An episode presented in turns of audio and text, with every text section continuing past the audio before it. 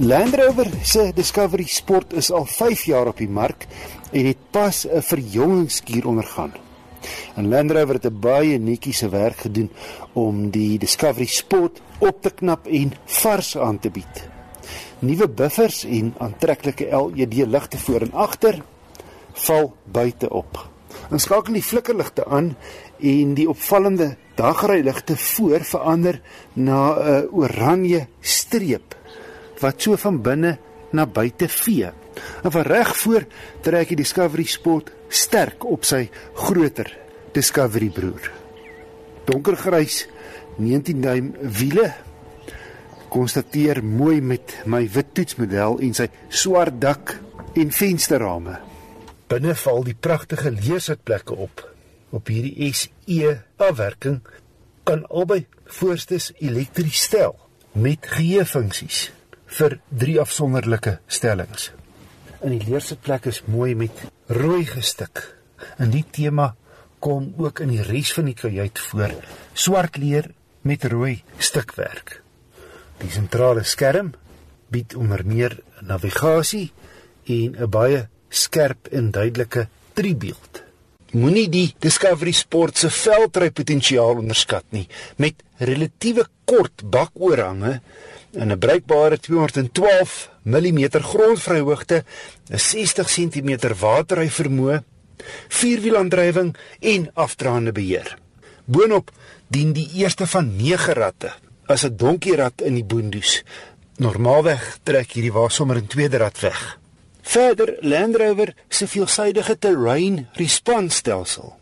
En hier kan jy met die druk van 'n knop kies tussen verskeie modusse: gras, gruis, sneeu, modderslote en sand.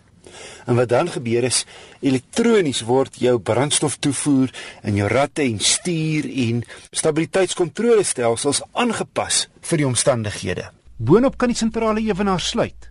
Kortom, die Land Rover kan loop waar sy teenstanders, die BMW X3, Audi Q5, Mercedes GLC en Volvo XC60 nie kan nie. Met die wegtrek is die turbo diesel en sy outokas nogal traag uit die blokke. Turbo traagheid wat maak dit mens nie sommer 'n gaping vinnig kan vat in stadsverkeer nie.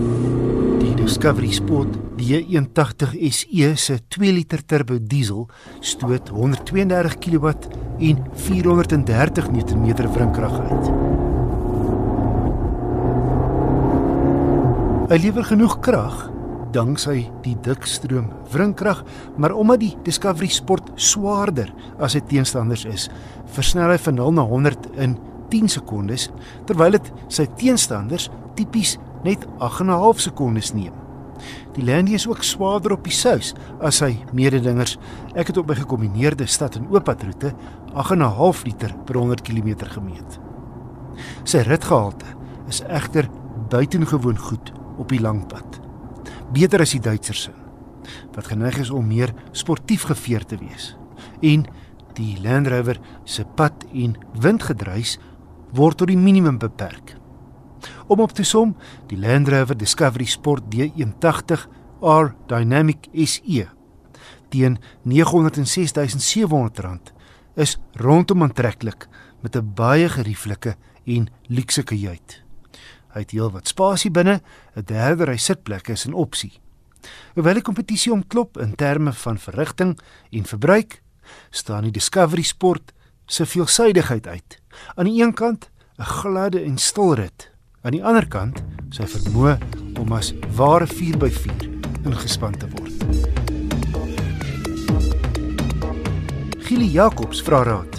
Hy skryf: Ek ry 'n 2019 Great Wall Motors Steed 5 2 liter turbo diesel waarmee ek soms my hengelbootjie sleep. Oor die algemeen is ek baie tevrede met die bakkie se krag. Soms vind ek egter dat die weerstand teen die versnellerpedaal wat meestal skerp of styf is, pap word met gepaardgaande ekstra deurtrap om iets te laat gebeur. Ek vermoed dit moontlik iets met die turbo aanjaar se werking te doen. Nicolou die tegniese konsultant by Kaarthuiskrif en die besigheidsontwikkelingsbestuurder by SVU Gepantserde Voertuie antwoord.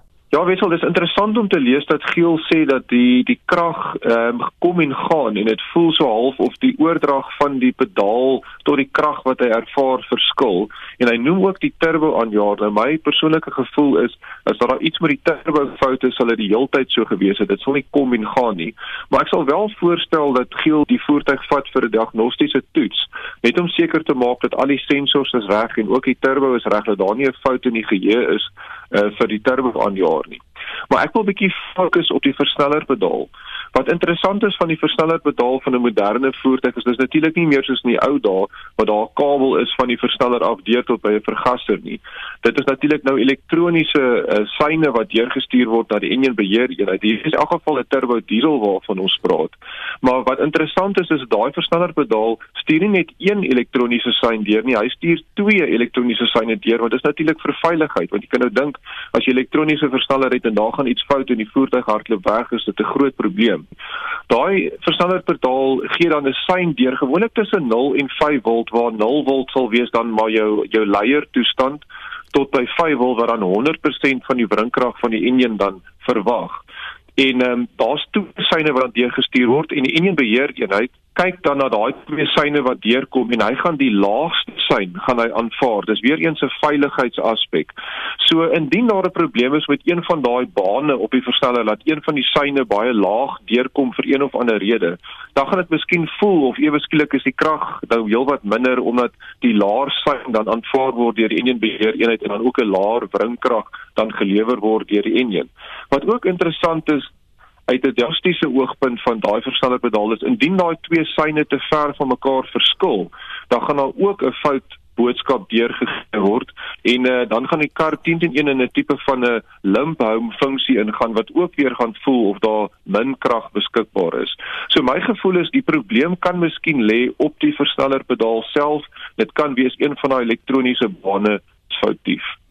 Nicolou, hy is die tegniese konsultant by Car en die besigheidsontwikkelingsbestuurder by SVU Gepantserde Voertuie.